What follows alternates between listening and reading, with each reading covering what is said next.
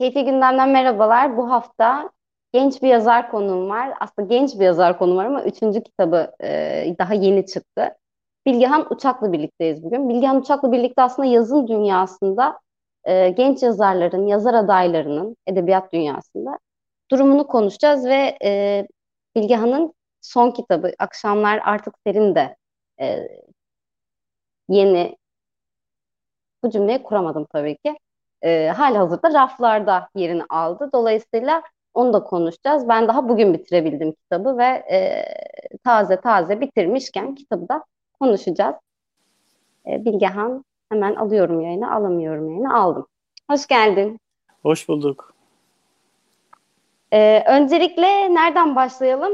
ben kitaptan başlamayı çok istiyorum aslında. Çünkü biraz önce bittiği için e, hani hem işte Akşamlar Artık Senin üçüncü kitabın değil mi? Ben yanlış takip etmedim.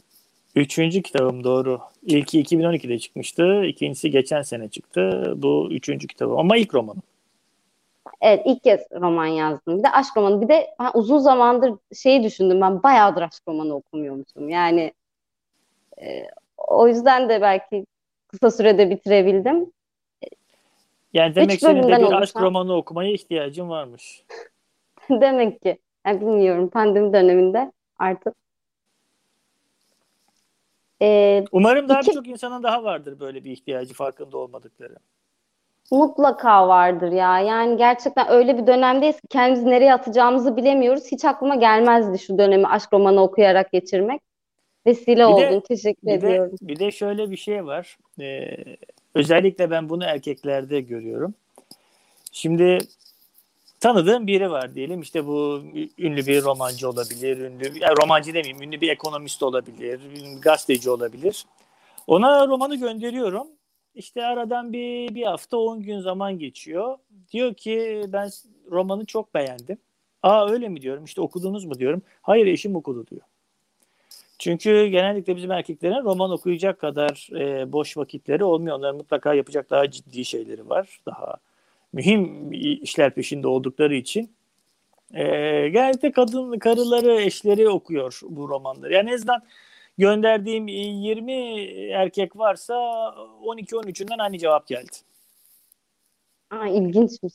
Gerçi olabilir ama doğru olabilir. Yani şu an şey yapamadım. Hani ben de dediğim gibi çok daha önceden okurdum. Herhalde en son aşk romanını yani üniversitede mi okudum? Valla ben aşk romanlarıyla aramayı çok kadar mesafe koymadım. Yani olabildiğince e, bunu takip etmeye çalışıyorum. Aşk Şöyle roman yani aslında... ayrıca şunu söyleyeyim bu sadece aşk romanı diye bir şey olduğunu da sanmıyorum. Evet. Yani aşk romanı bence biraz da bütün bu e, edebiyatı ucuzlaştıran, basitleştiren hatta belki vulgarize eden bir şey bile diyebilirim. Aşk romanları yani aşk romanı mesela Anna Karenina aşk romanı mı ya da Madame Bovary aşk romanı mı? Hani ben kendi yazdığım o seviyede olduğu için demiyorum bunu ama e, birçok insanın gözünde böyle olduğu için söylemek istiyorum. Evet. E, kitabın üç bölümden oluşuyor. Üçüncü bölüm çok kısa olmakla beraber. Ses mi gelmiyor? Bunu söyleyebilirsin ya. Kaş göz yapma. Sen de mesela dik oturabilirsin biraz. yani şu anda beni bir e, mitralyözle tarıyorsun gibi.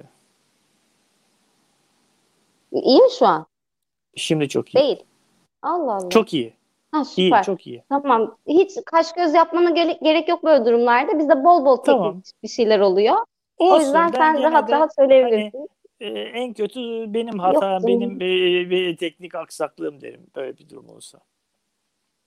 Teşekkür ederim ya gerçekten şu an üstüne alınca alacağını da söylediğin için. Ee, tamam ben en son diyordum ki 3 e, üç bölümden, üçüncü bölüm çok kısa olmakla beraber üç bölümden oluşan bir kitap bu. Ee, ama biz ilk bölümünde böyle ben orada e, gerçekten böyle mi gidecek bu roman dedim. İnanılmaz bir aşk işte ilk görüşte aşk hikayesi okuyoruz. Ama yani nasıl vuruluyor, nasıl tutuluyor? İşte ondan başka bir şey düşünemiyor. Ölüyor, geberiyor falan. Ve ikinci bölümde çok büyük bir sürprizle karşılaşıyoruz aslında ve e, senin sen söylemesen mesela ben şunu düşünür müydüm bilmiyorum. Sahir Kırtay diye de bir karakter var. Karakter Sahir önemli Sahir bir karakter. Kırtay e, romanın en büyük gizemlerinden biri. Yani birkaç tane böyle benim romanın içine gizlediğim şey var. Yani şimdi Sahir Kırtay'ı burada tam ne olduğunu anlatmayacağım ama e, Sahir Kırtay e, romanda romanda üç ana karakter var. Bunlardan biri Selim, biri o sevdiği kız Müjgan, öteki de Türkan Hanım. Ama Selim ve Türkan Hanım'ın yaşadıklarının arkasında fonda bir Sahir Kırtay motifi görüyoruz. Ama niye Sahir Kırtay olduğu da e, yani herhalde ancak okuyanlar e, belki tahmin edecekler, belki tahmin edecekler. Ama Sahir Kırtay'a dair şöyle bir şey anlatayım. Şimdi roman yayınlatmak e, hakikaten zor bir şey. E, özellikle ilk romansa bu çok zor bir şey. Çünkü ilk roman dediğiniz zaman bu ticari bir mesele. Yani kaç tane basacaksın? Bin tane, bin beş tane, iki bin tane. Dolayısıyla buna bir yatırım yapmıyorsun. Yatırım yapmayınca bu roman satmayacak. Satmadığı zaman basılmayacak. Metnin ne olduğu o kadar önemli değil. Çünkü daha ticari olarak bakıyor yeni bir de haklı olarak. Yani benim romanımı şimdi yani 100 bin bassa yani her yeni romanı 100 bin bassa yayın evinin de ayakta durması mümkün olmayacaktı. Ee, ben bu romanı bir yani bir editöre e, gönderdiğim zaman yani tanıdığım bir editördü. Farklı büyük bir yayın evinin editörü. E, o bana romanı okudu. Böyle bir notlar çıkardı sağ olsun. Dedi ki Sahir Kırtay diye bir isim olmaz. Niye olmaz dedim. Sahir Kırtay adını değiştir. Niye olmaz dedim. Yani ben Sahir Kırtay koyduysam adamın adını. Yani bana gerçekçi gelmiyor dedi. Peki dedim yani bizim bir romana kahraman, bir roman kahramanının e, var olabilmesinin kriteri sana gerçekçi gelip gelmemesi mi e, olacaktı? Ve Saye Kırtay çok yanlış bir isim olarak bulundu ama e, romanda ben bunu çok yani bir ipucu gibi aslında ama tabii pek e, kimsenin fark edebileceği bir ipucu olmadığı için sadece Peride Celal'in Güz şarkısı romanından aldığımı yani bu metinler arası bir şey söyleyebilirim. E, Güz şarkısı bir transatlantikte geçer ve Peride Celal oradaki anlatıcı Sahi Kırtay adındaki çok ünlü bir piyes yazarıyla orada yeniden karşılaşır. E, Peride Celal Sahi Kırtay'ı Düz şarkısında öldürüyor ama ben onu e, buraya bayağı kanlı canlı bir insan olarak transfer ettim o romanda. Evet. Ee, bu arada sen söylemedin ama ben hemen söyleyeceğim. Türkan Hanım'ı Türkan Hanım diyerek geçemiyoruz arkadaşlar. Çünkü Türkan Hanım aslında Selim'in aşık olduğu, Selim'in sevgilisi olan Müjgan'ın annesinin arkadaşı. Annesiyle akran bir arkadaşı, komşusu. Dolayısıyla e, şimdi okuduğumuz bölümlerden bir bölüm Selim'in aşkını anlatıyor Müjgan'a olan. Diğer bölümde e, Türkan'ın günlüklerinden oluşuyor.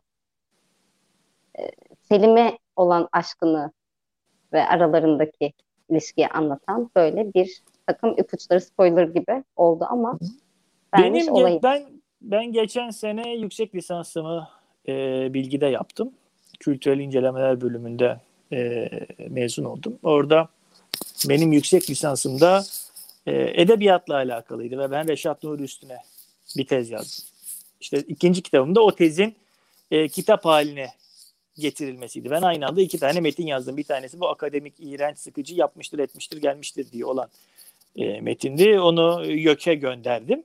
Bir de daha insanların okuyabileceği hani o işte reader friendly denebilecek tarzda e,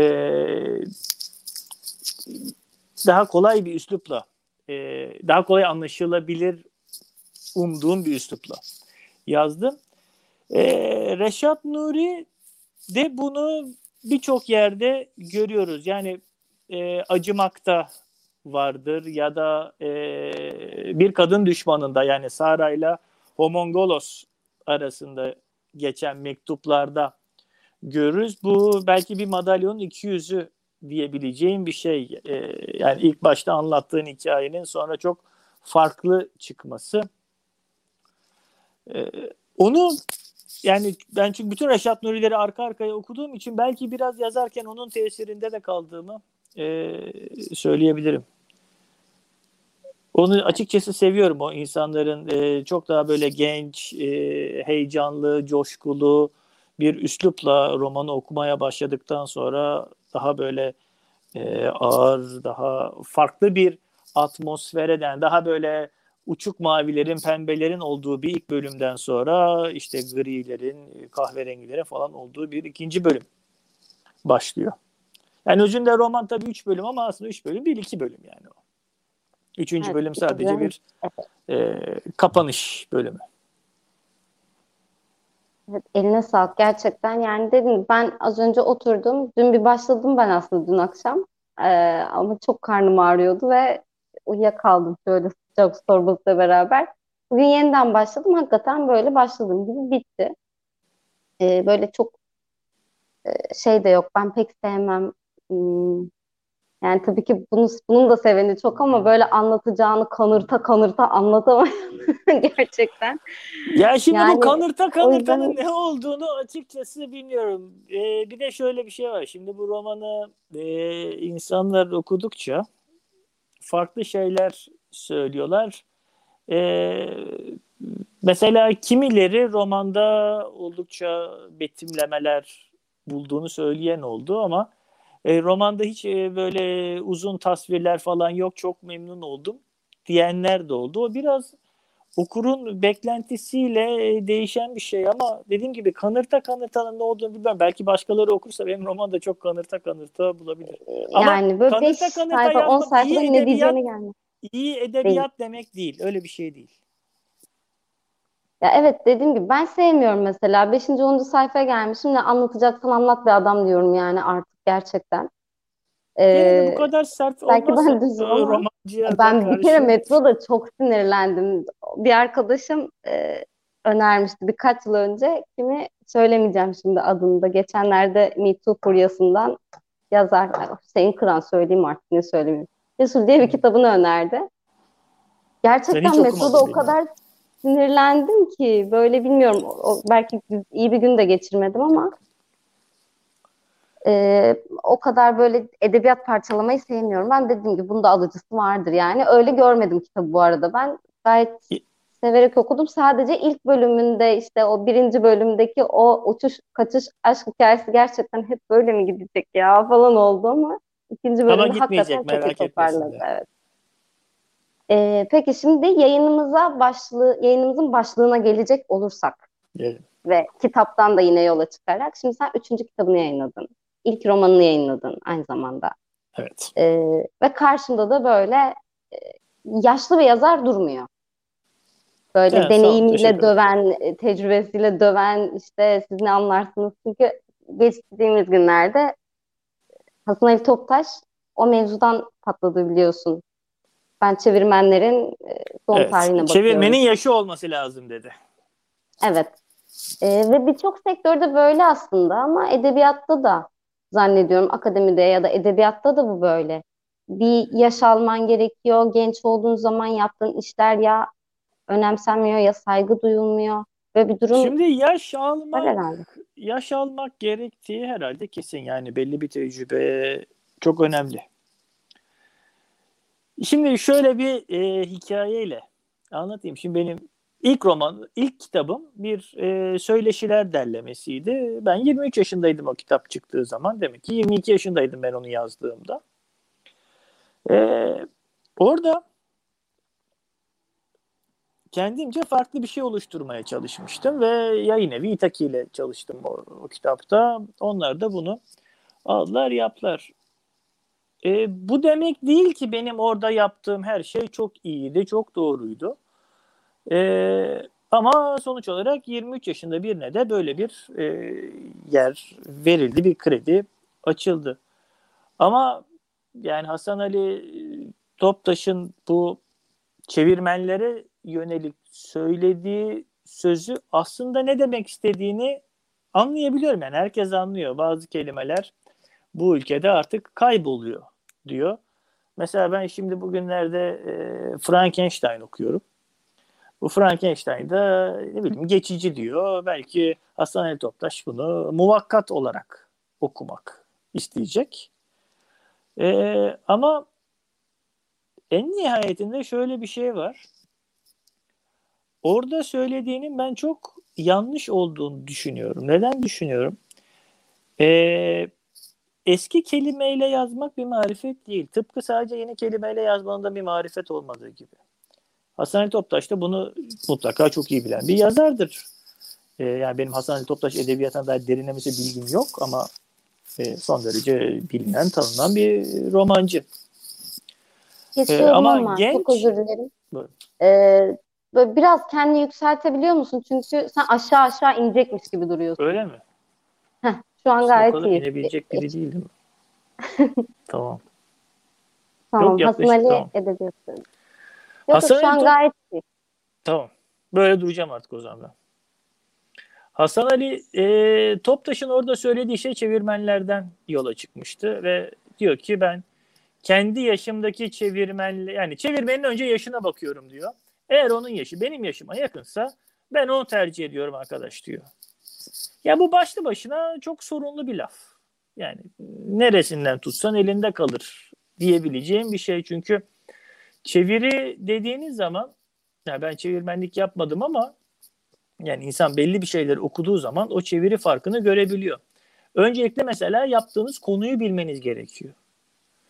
Ee, nereden ben bunu söylüyorum? Ben Yasikevicius diye basketbolcu var. Şimdi mesela kimsenin bilmediği bir şey anlatacağım. Emin yani senin de bildiğini hiç sanmıyorum bunu. Bu Yasikevicius çok önemli basketbolcuydu. Litvanyalı. Ben de basketbol oynarken hepimizin çok sevdiği biriydi bu. Bu Yasikevicius'un bir anıları çıktı. Bu anılar Türkçe'de yayınlandı. Ee, ama çevirmen oradaki basketbol tabirlerinin hiçbirini bilmediği için bambaşka bir hikaye anlatmaya başlamış. O çevirmen genç olur, yaşlı olur onu bilmiyorum. Ama konuyu bilmediği için e, yani ikili sıkıştırmayı çift maç diye çevirdiğin zaman olmaz. Ama onları bilmiyor. Bilmediği için de çevirememiş. Hasan Toptaş'ın bence söylediğinde en büyük hata oydu. Yani orada e, her şeyi karıştırdı. Bir de tabii şu var. Eğer biz işi belli yani Hasan Ali Toptaş yaşındakiler ve üstü diye bırakırsak o zaman e, metinlerin birçok zaman eleştirel bir basımının bile yapılması mümkün değil. Bunu ben nereden fark ettim? Ee, bizim çevirilerimizin de hayli sorunlu hatta yer yer çok komik olduğunu düşünüyorum. Şimdi mesela Ahmet Altan çok bilinen bir romancıdır yani bu ülkede. Ee, onun çevirdiği bir yazar var. Amerikalı bir yazar var. Mike e, Horace McCoy. Şimdi ben Horace McCoy'un iki kitabını aldığımı zannediyordum fakat bir kitabını almışım. Çünkü kitap iki farklı isimle çevrilmiş. Biri Gazetecinin Ölümü Bilgi, Bilgi Yayın Evi'nden 70'lerde. Biri de 91 yılında iletişimden Kefenin Cebi Yok. Kitabın tam Türkçe karşılığı Kefenin Cebi Yok aslında çevirisi yani. No Pocket in a Shroud diye çevrilmiş. Ee, orada bir kere bunu ben Ahmet Altan çevirmen olarak mı yaptı? Yoksa e, o zamanki yayıncı, editör artık o ilişkiler ne bilmiyorum.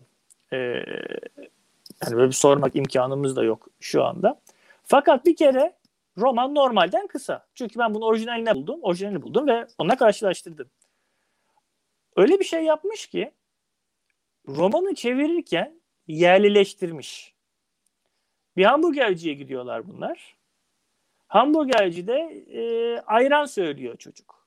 Zaten benim için çıkış noktası oydu. Yani ayran söylemesiyle beraber ben bu romanın orijinalini bulayım ve e, yani bu ayran nereden çıkıyor diye bakmaya başladım.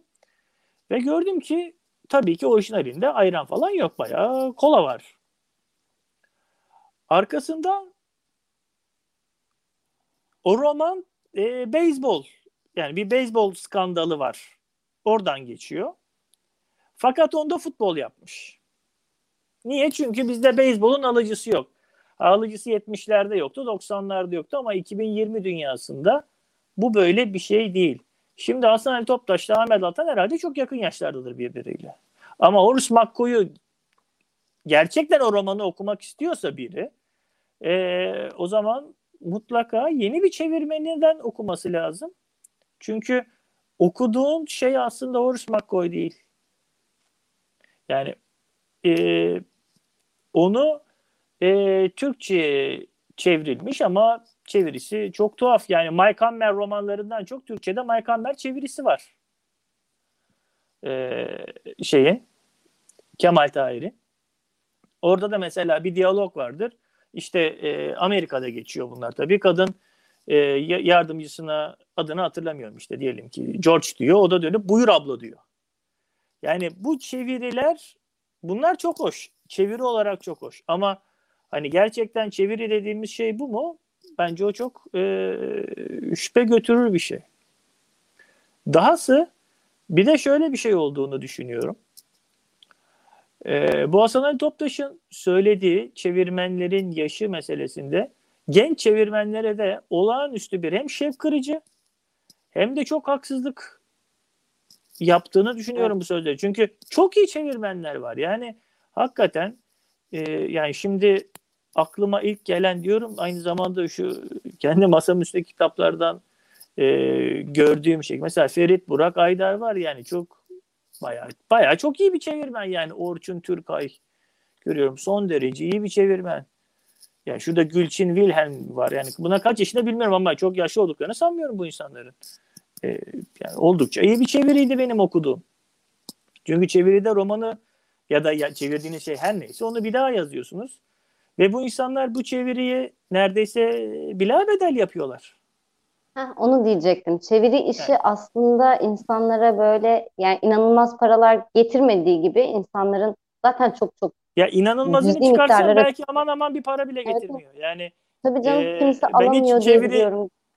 Şöyle bir çeviri yaptım ve bu çeviriden aldığım parayla e, Maldivlere tatile gittim ya da işte şu anda ne bileyim yani İspanya'dan Fransa'ya giden bir trendeyim falan diyen duymadım çeviriden kazandığı parayla. İnsanlar son derece zor koşullarda yaşıyorlar ve bayağı ciddi bir şey çeviriyorlar. Ya bu çeviri çok zor bir şey. Evet evet. Yani meşakkatli de bir işten bahsediyoruz. Siz yok parasına bu işi yapıyorsunuz ve böyle bir yaşlı adam çıkıyor diye diyor ki işte doğum tarihine bakıyorum ya. Yani hay- ya şimdi ben yaşlı adam diye de o kadar da e, Hasan Ali Toptaş'ı e, görmeyeceğim. Yani yaşlı adam demeyeyim de Hasan Ali Toptaş'a. E, yani yaşlı olduğu muhakkak da. Şimdi ya ben çok yaşlı dersem biraz e, hani kendime pay çıkarıyor gibi e, olurum. Ama e, Hasan Ali Toptaş'ın o dediğinin yani baştan sona çok yanlış olduğunu düşünüyorum. Onun da şimdi sorsak e, sanıyorum yani keşke o programa hiç çıkmasaydım, keşke bunu hiç söylemeseydim dediği bir noktada olduğunu düşünüyorum. Yani ve sadece bu çeviriyle ilgili mevzudan değil yani bunu zaten biliyorsunuzdur. Ben yine de hatırlatayım. Bu mevzudan sonra Hasan Ali Toptaş tarafından tacize uğrayan pek çok kadın sosyal medyadan e, ifşalar yaptı. E, Hasan Ali Toptaş önce rezalet bir açıklama yapıp sonra yetmediğini düşünüp daha rezalet bir röportaj verdi. E, o yüzden tebrik mi Ama bunu yaparken rezalet, bile rezalet bizim hiç bilmediğimiz bir tabir getirdi. Eril faillik diye yani. Bu, evet evet. Bu laf e, yani bu hani günlük cari konuşma dilinde olduğu müddetçe Hasan Toptaş'ı aklımıza getirecek bir söz yani. Tabii. Yani nasıl mesela e, ne bileyim ey deyince aklına biri geliyor. Bu da öyle olacak. Evet yani edebiyat dünyasına imza atmayı başarabildi. Eril Fail. Bulmacalarda evet. çıkar artık. E, kendisine başarılar diliyoruz. E, ben asıl şuna geleceğim. Az önce de söyledim. Üçüncü kitabını yani üçüncü kitabın çıktı ama gençler arasında yani sen bunu da biliyorsundur. Muhtemelen arkadaşların da vardır. Bu yayın evlerindeki süreçler nasıl ilerliyor? Yani senin bir muhabirlik deneyimin de var bildiğim kadarıyla var, ve dolayısıyla e, bu işlerde biraz bu işte network'le olan işler. Ama her ya network'le oluyor. Ama hani Churchill'in bir lafı vardır ya işte hani ben size kanter ve gözyaşı e, vaat ediyorum sadece diye. Hakikaten bu işin başı kanter ve gözyaşıyla başlıyor yani. Yazıyorsun yazıyorsun ama şimdi şöyle bir hikaye anlatayım. Ee, ben ilk bir şey yazdım. Ee, ilk bir roman yazdım. Bu romanı yazdım aslında. Fakat bu romanı yazdım ben e, çok ta, yani hem e, tanırım hem de çok severim yani çok mühim bir insandır benim gözümde. Selim ileriye götürdüm. Selim Bey romanı aldı böyle. Tabii ben onu e, işte e, böyle biraz büyük puntoyla bastırdım. Ne bileyim işte ciltlettim, spirallettim falan. Kendimce hazırladım. Götürdüm, verdim. Böyle aldım. Şöyle baktım. Vallahi de siz genç yazarlar herhalde hepiniz birer Dostoyevski falansınız. Çok yeteneklisiniz herhalde. Çünkü biz dedi mesela ben sizin yaşınızdayken bir kere yazıp bir kere okuyup mesela Atilla İlhan'ı götüremezdim dedi. Ya da Kemal Tahir'i götüremezdik biz dedi. Ama siz maşallah dedi çok yetenekli olduğunuz için dedi. Herhalde bir kere yazmak size yetiyor. Ben mesela yanlış hatırlamıyorum zaman işte 46, 47, 48 saat hangi yazar. Ben yazarlığımın dedi işte 47. yılında aynı romanı defalarca yazıyorum. Daha iyi bir üslup bulmak için, bütün e, sorunlarını yok edebilmek için. Siz ama bir kere yazıp, bir kere okuyup getirebiliyorsunuz. Deyince ben tabii bu romanı geri aldım ondan. Yani bu işte verdiğim gibi geri aldım. Sonra oturdum e, bir daha yazdım. Ama şöyle bir şeyle yazdım. Bu kez gerçekten daktilo kullanarak yazdım. Ve e, bilgisayarda değil ben bu romanı ikinci kez bilgisayarda sonra romanın başına bazı talihsiz diyebileceğim bir serüven geldi. İşte o basını bahsettiğim Sahi Kırtay meselesi falan. Sonra ben bu romanı rafa kaldırmışken raftan bir daha indirdim ve sil baştan daktiloda yazdım. Bu arada daktiloda yazmak çok zor bir şey. Şerit falan yok çünkü. Yani şerit bulunuyor, o şeritler bitiyor, şerit gelmiyor, şerit yapan biri yok. Birini buluyordum. Şerit bulunuyor kırtasiyeden de taktuk taktuk yazmak çok zor ya. Ee, Valla taktuk taktuk yazmak pek fena değil aslında. Yani bayağı taktuk taktuk parmaklar mu? Ee, yani şöyle bir şey var. Şimdi benim daktilom benden bayağı büyük yani. Hasan Toptaş'ın bir çevirmeni görmek istediği yaşta bir daktilom var benim. Yaklaşık 65-70 yaşında. Bir daktilo böyle hardal rengi korona e, markası da.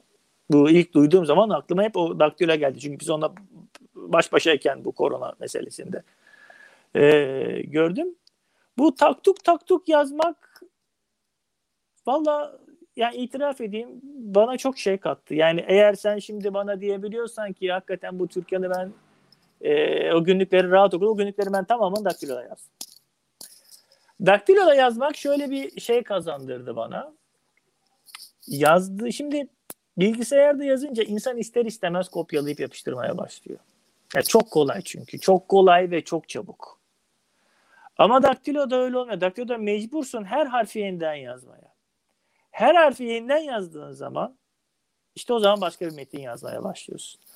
E, bu tabii herkes için böyle değildir mutlaka. Yani bunu ben söylediğim zaman bana kahkahayla gülen insanlar oldu. Sen çağ dışısın falan diyenler de oldu. Ama ben e, romanı daktiloyla en azından bir kere daktiloyla yazmanın çok büyük faydasını gördüm. Mesela şimdi yazıyorum gene daktiloyla yazıyorum. Yani nasıl siliyorsun? Silemeyince canı sıkılmıyor mu? Sıkılıyor. Yani şöyle oluyor. Önce silemiyorsun. Sonra canın Hı-hı. sıkılıyor. Hatta önce kağıdı takıyorsun. Ee, başlayamıyorsun bir türlü. Kağıdı ters çevirip bir daha takıyorsun. Ee, bu kez biraz yazıyorsun. Tam böyle e, o moda girerken sayfa bitiyor. Yeniden sayfa buluyorsun. Yeniden sayfa takıyorsun. Ama e, benim çok hoşuma gitti demeyeyim ama e, bana çok şey kazandırdığını ya kazandırdı demeyeyim yani yani eğer sen romanı çok e, dün başlayıp bugün bitirdim ve son derece e, memnun bir şekilde okudum diyorsan bunda hakikaten Daktilo'nun büyük bir payı vardı. Eğer benim ilk Selim Bey'e verdiğim metin basılmış olsaydı ne sen bunu söyleyebilirdin ne de e, biz bugün bu programı yapıyor olabilirdik. Ya bunda sadece daktilonun payı yok ama daktilonun da kendi içinde bir payı var. Yani evet aslında motivasyon kaynağı olarak kullanılabilir tabii ama ben sıkılırdım için sabır var mı sende gerçekten? Yani mesela Selim ya Bey de açsa çünkü çok şey e, böyle böyle dan diye basman lazım ki çıksın oraya şey mürekkebi falan. Mesela Selim Bey'in anlattığı bir hikaye vardır. O işte bilgisayar öğrenmeye e, çalıştığı birkaç teşebbüsünde e, bilgisayara bir program yüklüyorlar ve e, gerçekten daktilo sesi çıkartıyor her tuşa bastığı zaman. Ve sayfa sonuna yani satır sonuna geldiği zaman da çın diye bir sesi var. Tam daktilo gibi. Ama o onun mesela söylediği ben bu bilgisayar başına geçince kelimem kayboluyor diyor yani. Kelimem gelmiyor. Hani e, ben onu söyleyemem ama bu daktilo işini bayağı sevdim. Bunu itiraf edeyim. Bu arada e, yorumlara bakıyorum. Beğenerek takip ediyormuş Eray Gürdal sizi. İlkan Akgül e, 240 yıl sonra sizi görmenin çok güzel olduğunu söylüyor. Bayağı ihmal etmişsiniz İlkan'ı galiba. E, Zeki Enes Akkan teşekkür ediyoruz iyi yayınlar demiş. E, yayın kesiliyor mu bu arada? Ben kesilmiyor gibi. Yani en kesilmeyen yayının bu gibi Enes ama. Yo yani en azından ben kesildiysem hiç fark etmedim. Çünkü ben böyle bazen öyle bir kesiliyorum ki yani düşüyorum, gelmiyorum, konuk devam ediyor, ben konuk oluyorum ona falan sonra böyle bir takım şeyler oluyor. Ee, ben yine şuraya gelemedim. Hani daktilo dedik hani şey Selim ileri sana nasıl bir sefer okuyup getirebiliyorsunuz dedi. Hani onun dışında ama hani yaşadığım böyle Selim ileri için söylemiyorum bunu sadece. Selim ileri hepimizin bildiği büyük bir yazar. Umarım onun da ifşası çıkmaz. Yani gerçekten geçen arkadaşımla çok çok sevdiğimiz bir yazar için iyi ki ölmüş diyecek noktaya geldik çünkü. Ee, onun dışında böyle kendi camian içerisinde sen aynı zamanda e, Boğaz içinde doktora yapıyorsun ya da yaptın Yap, mı? E, e yapmak, yani o akademide e, nasıl oluyor? ve dalaletinde bulundum. O zor bir süreçti. E, yani bayağı zor şartlar altında yapabiliyorsun. Çünkü e, şimdi biz bu şeyleri açalım.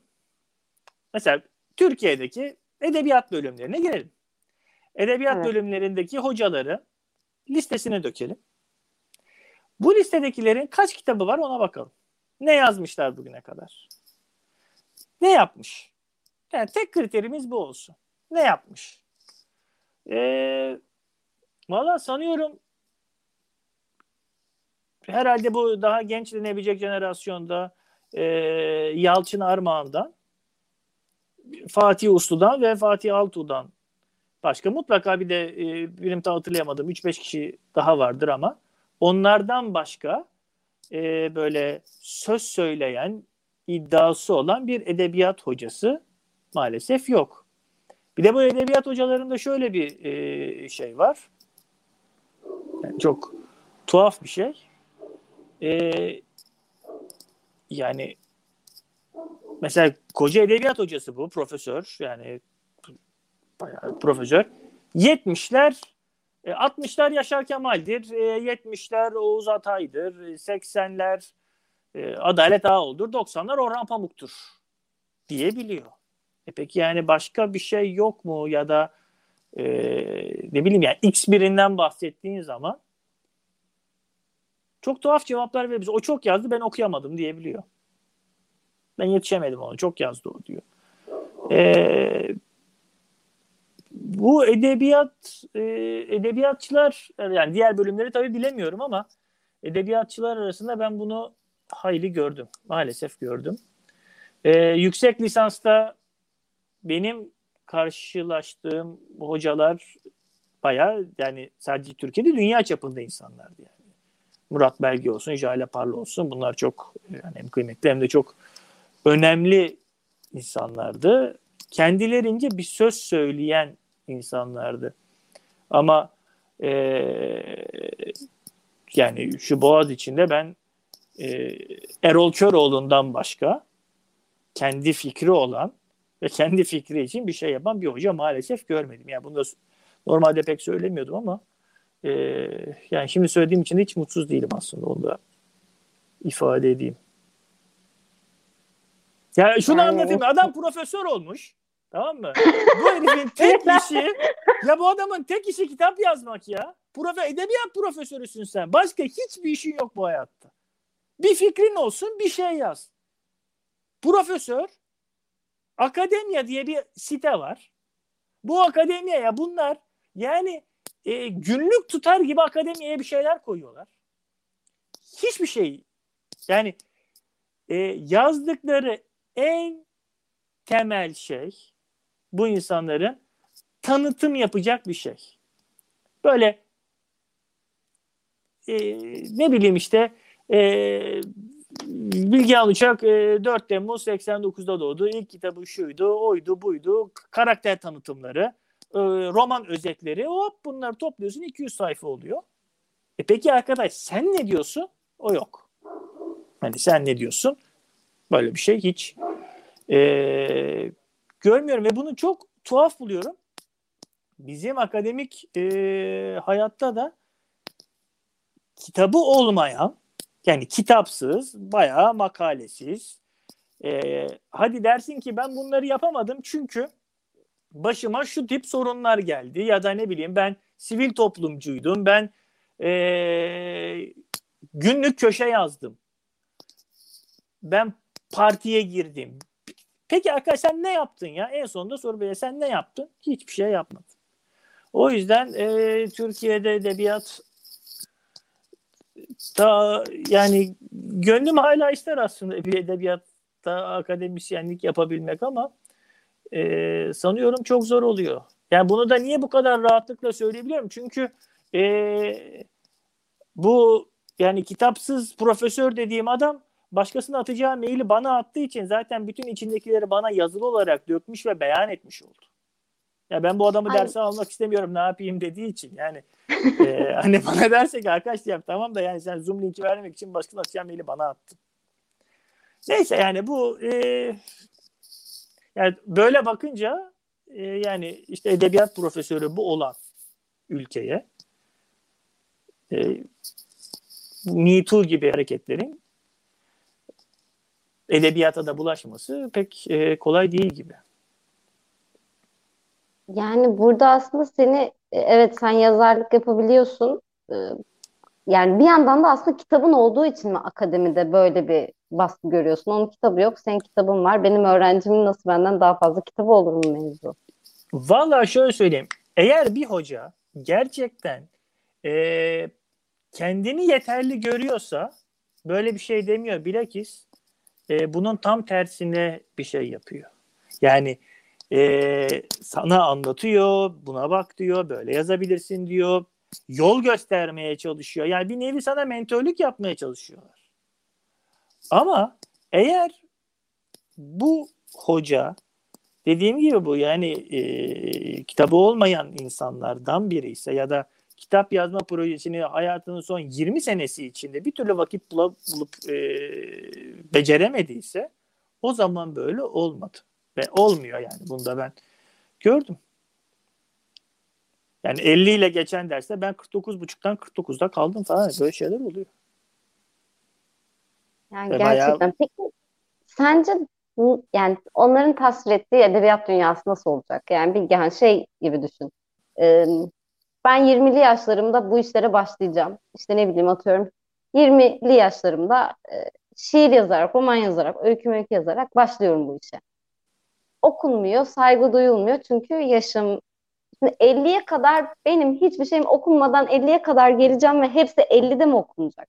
Öyle bir şey mi istiyorlar? Vallahi hani hepsi 50'de okunursa yani hepsi 50'de okunursa belki o bile iyi yani. Şimdi mesela satış 50'den rekorları... sonra ben ünlü olmayı ne yapayım? Anda... Ünlü yazar olmayı.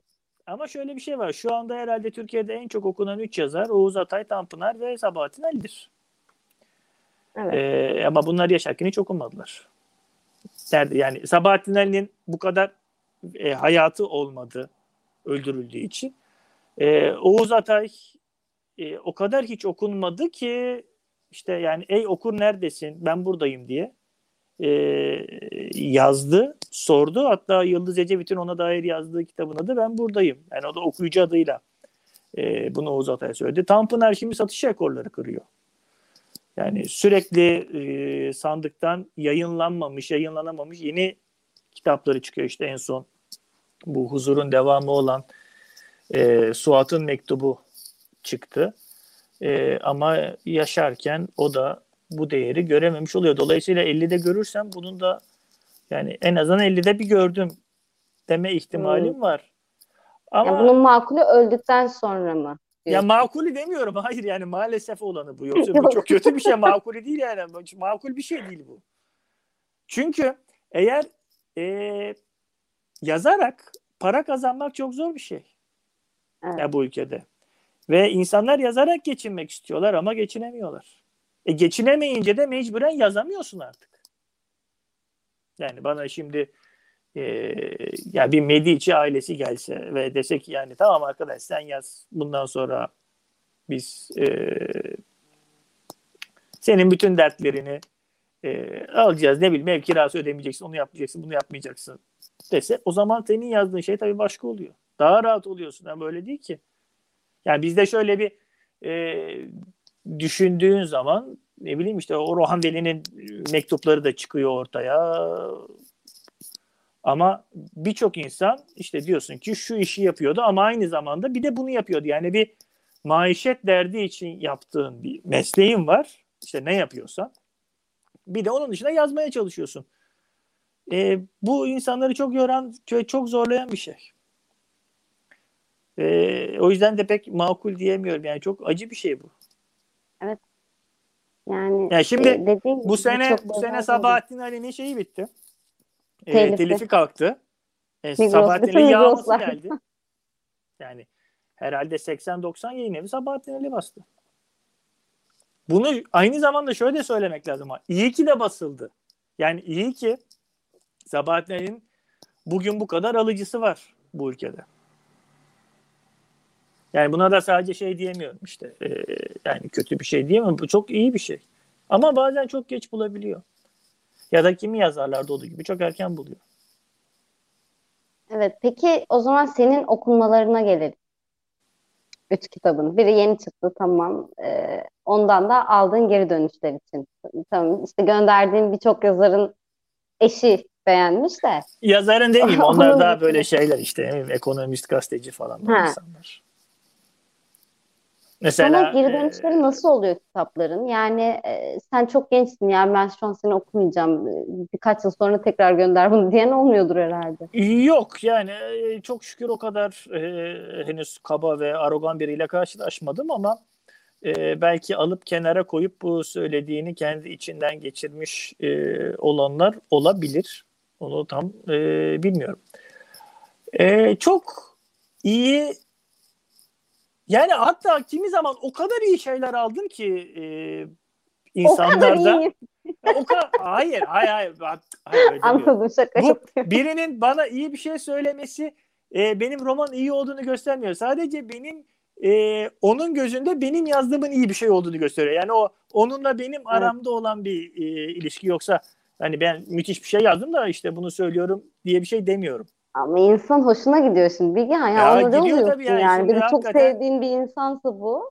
Ya bir de beklemediğin bir insan mesela diyor ki sana işte ya diyor çok güzel ne bileyim işte yani keşke imkan olsaydı da ne bileyim Türkiye'de ben oynayayım oynamak isterdim diyor mesela. Diyor, Aa diyorsun aa çok mutlu oldum falan. Ya da işte bir sabah e, mesaj geliyor işte şimdi bitirdim şöyle şöyle şöyle hissediyorum diye falan. Onlar tabii insanı çok mutlu ediyor. Ya çaktırmamaya çalışıyorsun ama hiç olmuyor yani bayağı hissediyorsun. Yani şimdi benim oturduğum ya. apartmanda mesela Mehmet abi var o bile kapıyı çalıp şimdi bitirdim falan diyor. Ya o bile insanı mutlu ediyor. Niye bile dedin şimdi Mehmet abiye? Hayır yani o hani ben ona kitap göndermedim. O benim üstümde oturuyor. o kitabı kendi aldı falan. O yüzden söyledim. Hani kitap gönderdiğim insanlar arasında olmadığı için onu söyledim. Evet yani e, şimdi edebiyat dünyasında evet ya zaten konumuz oydu. Gençlerin tutulması zor ama bu Buna imkanlı. Çok zor ya ulaşamıyorsun. Şimdi ben mesela bu romanı yazdım. Benim evet. tanıdığım yaklaşık 3-4 kişi beni arayıp şey dediler yani e, biz de romanımızı yayınlatmak istiyoruz. Tamam ama yani hani ben ne yapabilirim ki? E işte hepsine aynı şeyi söylüyorsun. Diyorsun ki ya ben seni editörle tanıştırabilirim ama artık iş benden çıkıyor. Çünkü benim karar verebileceğim bir şey değil. Benim yapabileceğim bir şey de değil bu. Siz aranızda anlaşırsanız ne hala. Ee, ama insanların bir şey yayınlatmak gibi diye bir dertleri de var. Çok büyük bir çok zor bir şey bu. Yani e, şöyle düşün.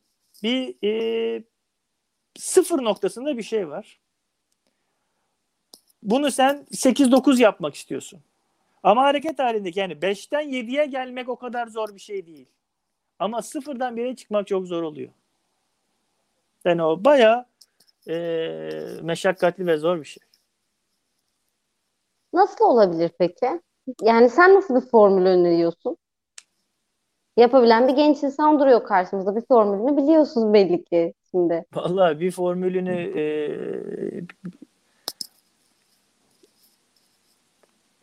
yani bir ya yayın eviyle yani önce bir yayın evi belirlemek lazım kafanda. Hani ben şu yayın evini kendime çok yakın buluyorum. Bu yayın eviyle çalışmak isterim gibi bir fikrin olacak. Ondan sonra yani bence önce gideceksin ve hani kitabı postayla göndermek yerine elle alıp birilerine götürüp birilerine gerçekten ulaşmasını sağlayıp ya da ulaştırmaya yani göreceksin çünkü e, neredeyse sayısız ilk roman çıkıyor. Yani evet. Yani bu yarışmalara giren kitaplar falan çok çok sayıda roman var. Ve bunu sürekli birileri hepsini okuyamıyor ki. Ya da aynı ciddiyet ve aynı dikkatle de okumak mümkün değil çünkü. Yani tam sayısını bilmiyorum ama herhalde bir senede Türkiye'de 400 tane roman çıkıyordur. Yani nasıl okuyacaksın? Yani her gün bir tane okusan yetmiyor. Tabii. Yani şöyle ya Bilgehan'a soruyorum bunu ama şimdi böyle sıkıştırmak gibi olmadı umarım. Yani bizim de böyle bir yayın evi sürecimiz oldu. Halen de devam eden. Yani mecburen onların yayın evlerinin güvendiği işte içerisindeki yazarlar olabiliyor bu genellikle. Yayın evlerinin güvendiği bazı insanlara gönderip ricacı oluyorsun çoğu kez. Ama bu da mesela sen de gazetecilik yaptığın için bu insanlara kolay ulaşabiliyorsun. Ben de bunu yaptığım için kolay ulaşabiliyorum. Bu yeni roman yazmış, öykü yazmış, şiir yazmış insanlar için o kadar kolay değil. Şiir yazanlar için daha kolay olabilir gerçi. Dergilere şiir gönderebiliyorsun. Şiir daha kolay okunan bir şey olduğu için söylüyorum. Şiir daha kolay okunan Ondan. bir şey ama e, sanıyorum tabii bunu ben yani söyleyecek yeterliğe sahip bir insan değilim. Ama şiir şu anda bugünün edebiyatı dediğimiz zaman akla roman geliyor. Ama biz bu soruyu 60'larda sorsaydık belki şiir diyecektik. Yani o günün yani niye mesela üçüncü yeni diye bir şey çıkmıyor? Ha, öyle bir şey yok. Birincisi var, ikincisi var, üçüncüsü yok. Ve üçüncüsünün olmaması e, sanıyorum biraz edebiyatın yani ürün olarak e, edebi ürün skalasında romanın hem okuyucusunun hem de yazarının e, daha çoğaldığı ve şiirin biraz daha e, geri plana düştüğü bir dönemdeyiz. O yüzden evet daha kolay ulaşmak mümkün olabiliyor. E, ama aynı zamanda e, yani etkisi çok daha az. E, yanlış bilmiyorsam Oktay Rıfat'ın ki koskoca Oktay Rıfat bir yani hani öyle böyle koskoca değil. Bütün işte romanları, şiir kitapları toplamı e, yanlış bilmiyorsam 5000 tane basılmadı bu ülkede. Ve hani konuştuğumuz öyle sıradan bir şair değil. Evet yani şiir eskisi kadar e, yani bugün şiir tartışılmıyor mesela. Ben evet. uzun süredir hiç görmedim ya da yani. Bir Halbuki şiir tartışması, şiir yeni şey, bir şair giderken çıktı. vardır ya o. Yani şey, ülke evden giderken çıktı. ay çok pardon ya. Üst üste biniyor sesimiz. Sen yeni bir şair çıktı dedin.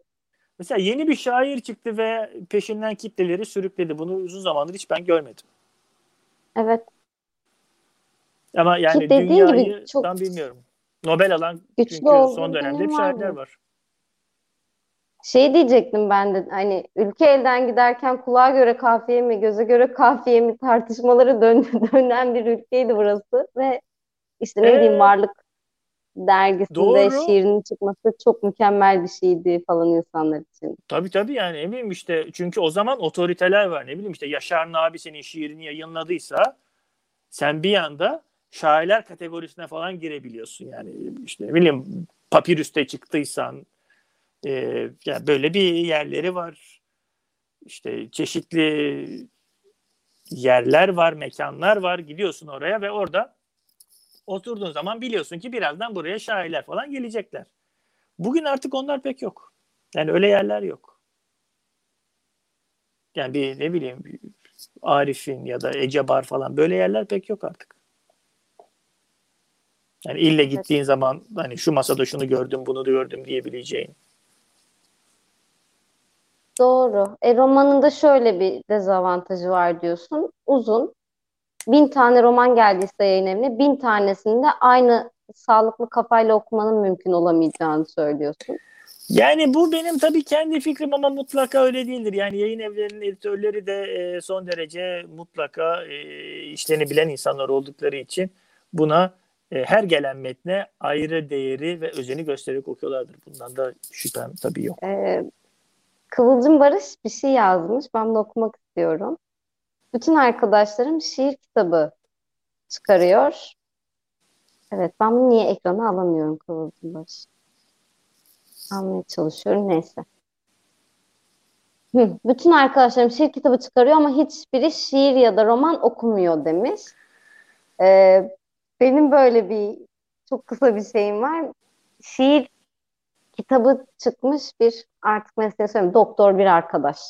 Bagajından çıkardı, kitabı verdi falan. Bilmem kaçıncı sayfasını açar mısın? Ve o kadar kendinize güveniyor ki. Yani şimdi bir şey de diyemiyorsun. Şiirler yani üniversitedeyim o zaman da okuyorum şiir ve kötü yani. Şimdi kötü de demek istemiyorsun Şimdi yanlış yüzüne ama hı. özür dilerim lafını kesin. Sen at.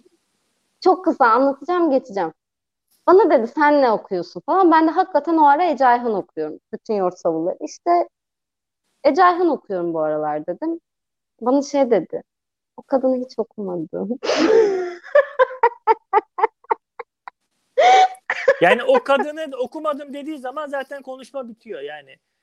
Ee, Evet yani yani çok Ece Ayhan'ın dedi normal yani kadın olmadığı için olabilir belki ama ve şiir kitabı var.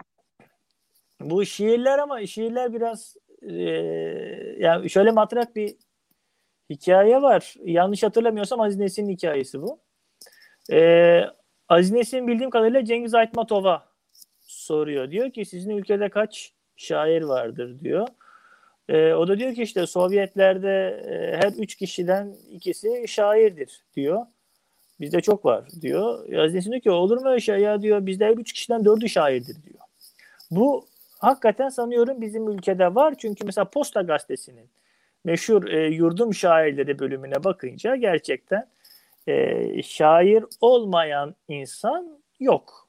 Ve hepsine de bakıyorsun en az 15 senedir şiir yazıyor bu insanlar ve artık belli bir zaman sonra e, şiirlerini gönderecek e, özgüvene ve cesarete sahip oluyorlar. E, çok e, müthiş sanat e, eserleri çıkıyor oradan da.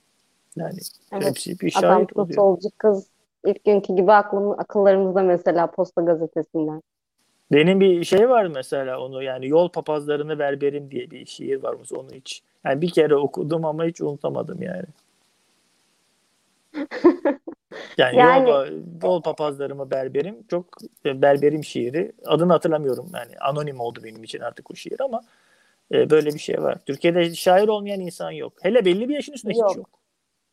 Ya bir de şey değil ki sadece Posta Gazetesi'ne gönderen dayıların şiirleri değil aslında burada mevzu. Şiir son zaman yani son yıllarda başka bir şeye dönüştü. Hani işte e, ya gerçekten Ece İşte çok Ayhan'ın kadın ve ben sanan kaçırdım kişi yani. çok hızlı dönüştüğü için ben o dönüşümü e, yakalayamadım. Ben kaçırmadım. Ben çok eğleniyorum çünkü. Ben kötü şiir okumaya bayılırım.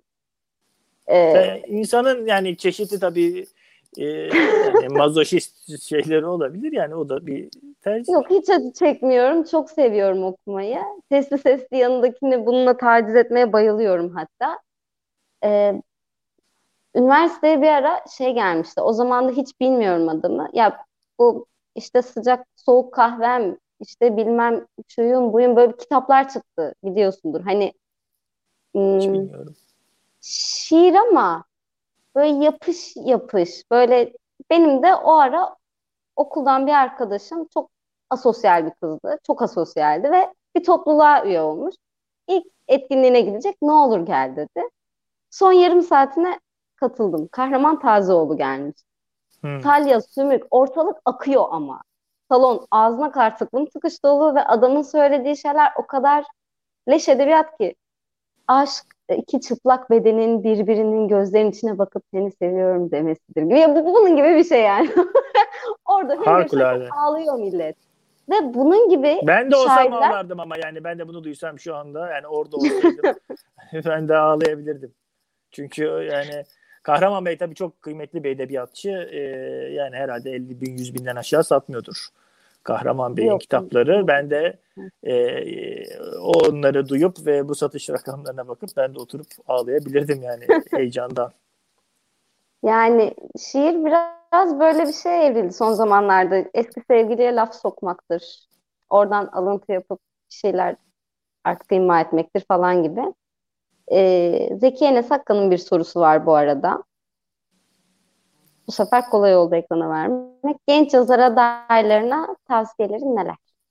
Ya ben tavsiye verecek bir insan değilim yani. Ne öyle bir konumdayım, ne öyle Niye bir... canım sen vermeyeceksin kim verecek? Üç tane kitabın çıkmış konuşturma beni. Hayır, üç tane kitabım tabii. çıkmış olabilir ama üç tane kitabım çıkması benim o insanlara tavsiye verebilecek bir durumda olduğumu söylemez. Ama sadece ben şunu evet. anlatabilirim. Kendi E, başıma gelenleri ancak anlatabilirim. E, ben bu e, yazı yazmaya dair hani şayet bir şeyler öğrenebildiysem bunların bölümünü Selimler'den öğrendim.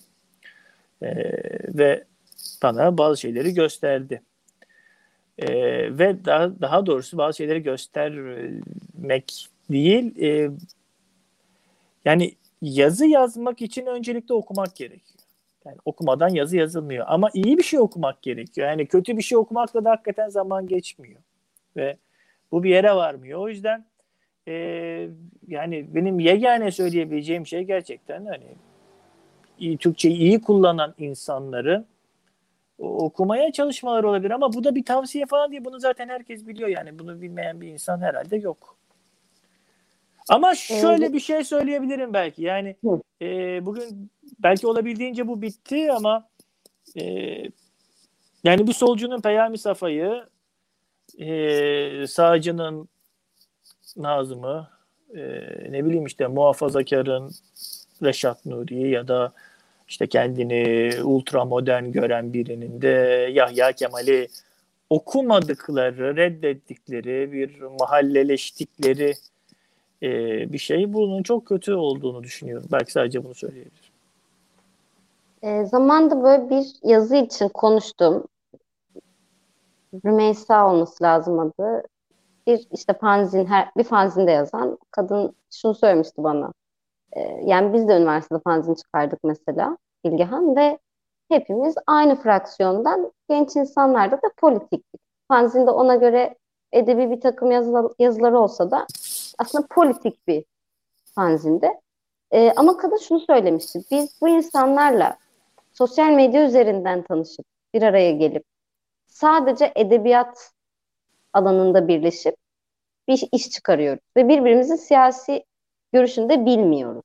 Şey. Bu bana acayip şey gelmişti, tuhaf gelmişti mesela. Ne demek sen birlikte yazdığın fanzindeki insanın siyasi görüşünü bilmiyorsun gibi ama galiba edebiyatın birleştirdiği Şimdi, böyle insanlar var mı sence? Birleştirdiği böyle bir insanlar var tabii ki yani ama bir kere şunu söyleyeyim e, hani tam ben açıkçası fanzinin ne olduğunu bilmiyorum bunu tam çaktırmamaya dergi, çalışıyorum ama dergi. Ha, dergi tamam yani Ben peki onu bilmiyorum. Kitapçık gibi dergi yani tam Kitapçık dergi dergi, dergi değil de evet. Peki ama e, sanatın siyasetten uzak olması diye bir şey de düşünmüyorum. Yani böyle bir şey yok. Bir şey söyleyerek siyaset yapabilirsin veya söylemeyerek siyaset yapabilirsin. Ama mutlaka siyasetin içinde bir rol alıyorsundur. Yani ben bir aşk romanı yazdım ama benim aşk romanımı ben bunu çok daha siyasi bir perspektiften de anlatabilirim. Yani eğer öyle bir e, şey olsaydı ben bunu anlatabilirdim. E, siyah yani bu edebiyatla ilgili yaptığın her şey, dergi çıkartmak, şiir yazmak, e, düşün ki sadece son derece sıradan, e, banal denebilecek bir melodram Yeşilçam aşk filmi e, den konuşuyor olalım. Hiçbir siyasiliği yok gibi. Yani bildiğimiz herkes olsun içinde işte. Hulusi Kentmen'den Adile Naş'ta herkes de olduğunu varsayalım.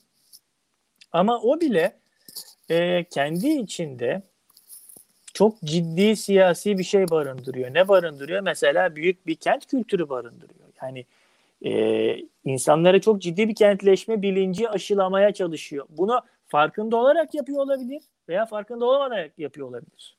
Ama birileri bir fanzin çıkarttıkları anda e, farklı çemberler bir araya geliyorlar. Burada ben geçen gün e, Daktilo'nun e, Ayyüce'nin programında Etiyen Mahçupyan'ı seyrettim mesela. Etiyen Mahçupyan'ın söylediği şey e, özellikle bu son dönemdeki gençlerde herkes kendi mahallelerinin e, duvarlarında çeşitli geçitler açıp farklı mahalledeki insanlarla bir araya gelebiliyorlar ve konuşuyorlar diyordu. Bunun yapılabileceği en kolay yerlerden birinin edebiyat olduğunu düşünüyorum. Yani kim olursa ne ol yani ille Türkiye'de biri de olmana gerek yok. Ne bileyim fazla sayı müziğini sevmek için ya da beğenmek için e, yani istersen ne bileyim Honduraslı ol, istersen Kürt ol, istersen Macar ol ama pek bir şey fark etmiyor. Çünkü o seni birleştirebilen bir şey. Yani evet bunu dün bir konuşmuştuk. Sen onu da söylemek istiyorum. Yani ben şey dedim hani bunların bir araya geleceği yok artık yani edebiyatta da olmaz bir şeyle de olmaz diye.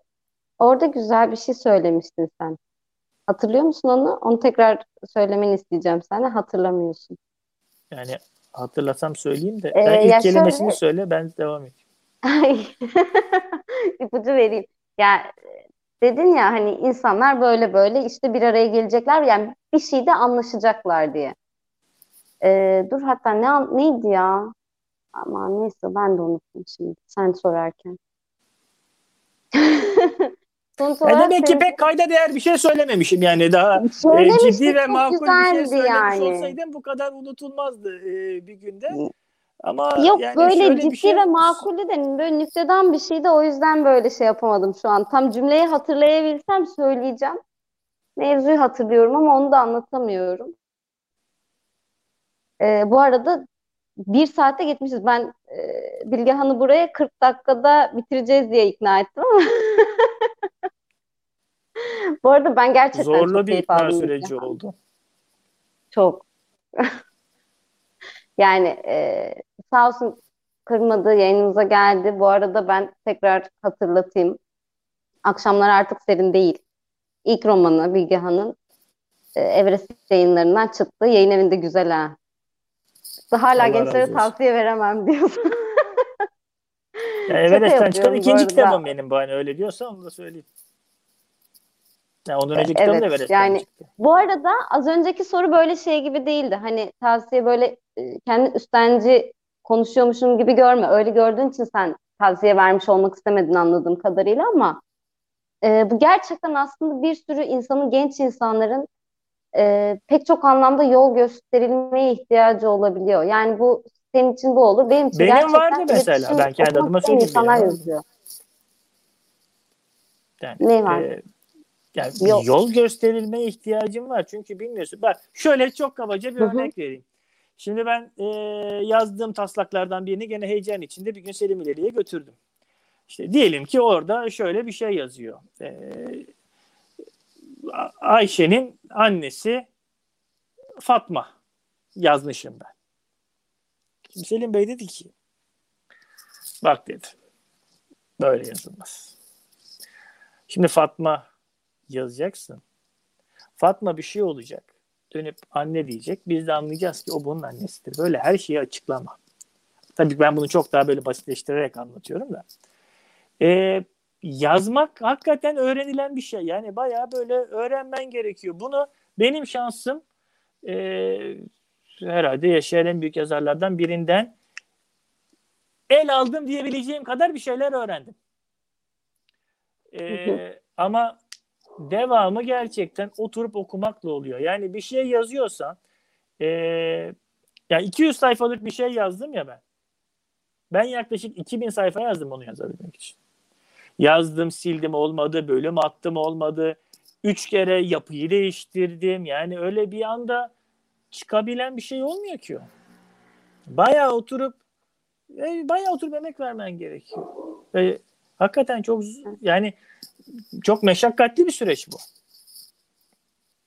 Çünkü sonunda para kazanmıyorsun. Yani o yemeği veriyorsun teşekkür ediyorlar falan işte e, Daktilo'da bir programa çıkıyorsun ne bileyim e, yani bu kadar oluyor ama yani öyle.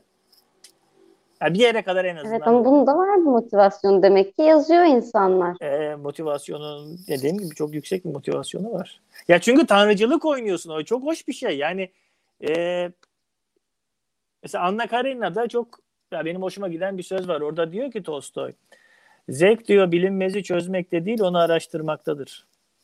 Roman yazmak da öyle. Romanın bittiği zaman bunu yazarken çok eğleniyorsun. Yani yazarken ben yani Türkan yani Türkan ben ne istersem o oluyor ama öyle olmuyor.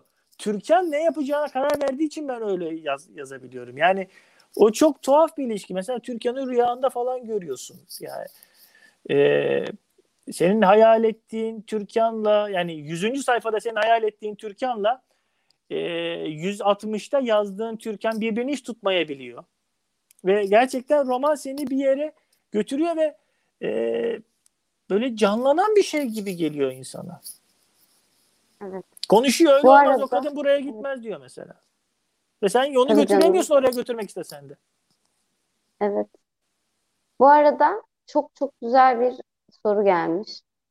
Bunu da e, süremiz bayağı oldu ama işte edebiyatın tanımı teknolojiyle değişir mi? Devam da var. Kitapsız edebiyat, 280 karakterlik edebiyat olur mu? Hepsi olur. Ee, şöyle olur.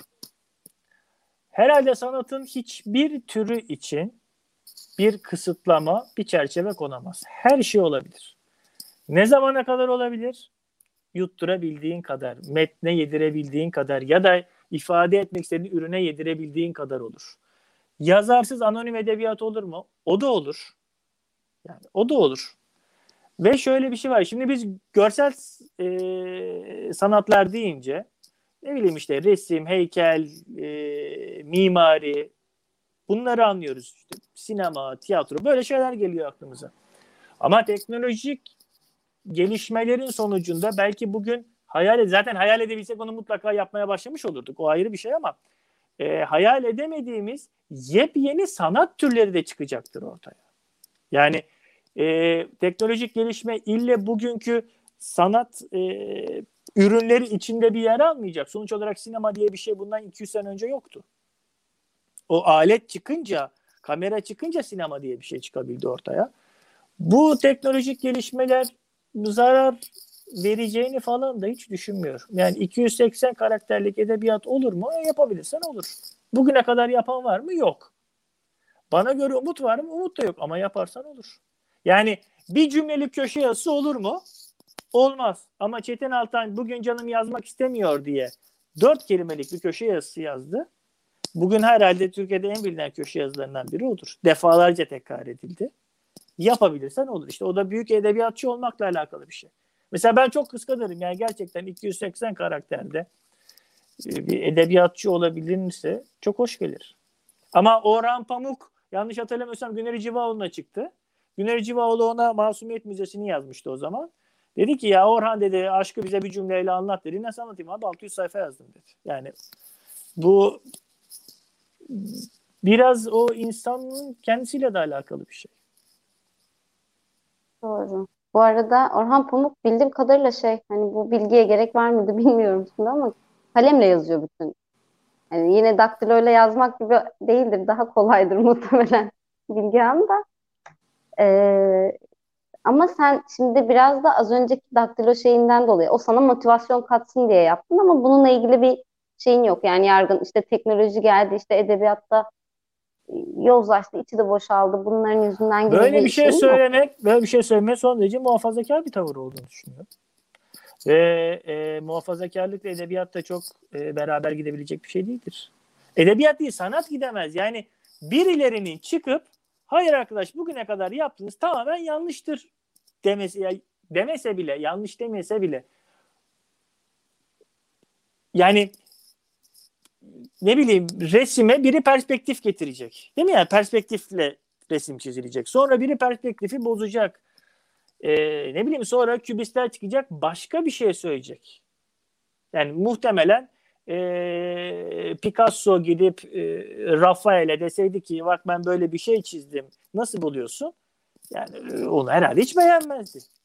O günkü anlayış çünkü öyle bir öyle bir şey değildi. Onu o günün şartları ve beklentisi bambaşkaydı. Ama e, zaman değişti. O zaman yeni gerekler getirdi. Yeni gereklerin, yeni ihtiyaçların yeni alıcıları oldu. Bunun da mutlaka sanata bir yansıması olacaktır. Evet. Ee, bir saati bayağı geçmişiz. Ee, şunu İlber Ortaylı Orhan Pamuk Türkçe bilmiyor kitapların İngilizce çevirilerinden okuyun demiş bu arada. Bilmiyordum. ee, yani ne diyeyim ben şimdi? Gerçekten bilmiyorum ben de yorum yapamayacağım. Orhan Pamuk ben birkaç kitabını okudum yani öyle. Hatta Yok Orhan burada bence yani Orhan Pamuk için değil yani. İlber Ortaylı'nın sözü için. Peki o zaman. Bugün bayağı kişiye salladık. Ee, benim Hasan Ali Toptaş'a yaşlı adam. yani ben bunlarda tabii bayağı okurdum. Yani Ama, ben bunlara e, pek bir şey söylememeye çalıştım olabildiğince evet, bu poker yani, face halimi bozmadan. Ben normal şartlarda demezdim ama e, bu son çıkan Me Too hareketi Allah başımızdan eksik etmesin bu hareketleri. E, kimi okuduğumuzu, kimi beğendiğimizi bilelim. E, o yüzden kadınlara cesaretlerinden dolayı ben buradan teşekkür etmek istiyorum kendi adıma. Sana da Vallahi teşekkür yani etmek kadınlara, istiyorum. Kadınlara teşekkür. Ee, yani aslında bu tam teşekkür edilecek bir şey de değil. Sadece herhalde destek verilip teşvik edilecek bir şey. Yani Hı, teşekkürden teşekkür farklı ediyorum. bir şey bile demek gerekiyor herhalde. Yani, yani kutlamak gerekiyorsa cesaret... kutlayayım ama ben de kutlasam şimdi tuhaf olacak yani. Sen kimsin de kutluyorsun diyecekler ama e, yani yani iyi ki böyle bir evet. hareket var tabii. Ee, sana da teşekkür etmek istiyorum. Yayınımıza ben geldin. Vaktini ayırdın. Ee, kitabını da şimdiden tekrar hayırlı olsun. Bekliyorum Çok kitabı bu arada. Ben çünkü telefon ekranından kör olarak okudum onu. Bak burada senin yanımda. Hazır. teşekkür ederim. Ee, evet. O zaman ben bir kapanış yapıp geliyorum. Tamam. Çok teşekkür ederim tekrar. Evet. Geliyorum. Keyfi gündemin sonuna geldik. Gene yayını uzattık. Çok keyifli bir program oldu bence. Yani ben niye bu kadar çok güldüm bilmiyorum ama Bilgehan'ın da verdiği böyle bir gerçekten sohbet havasında geçti. Çok programımız öyle geçiyor ama benim bugün ayrıyeten bir gülesim mi vardı artık bilmiyorum ya da konu e, çok ilgilendim, çok severek benim de konuştuğum, Bilgehan da çok severek dinlediğim bir konuydu. Önümüzdeki hafta bir sonraki keyifli gündemde tekrar görüşmek üzere. Hoşça kalın. Kendinize iyi bakın. Evet,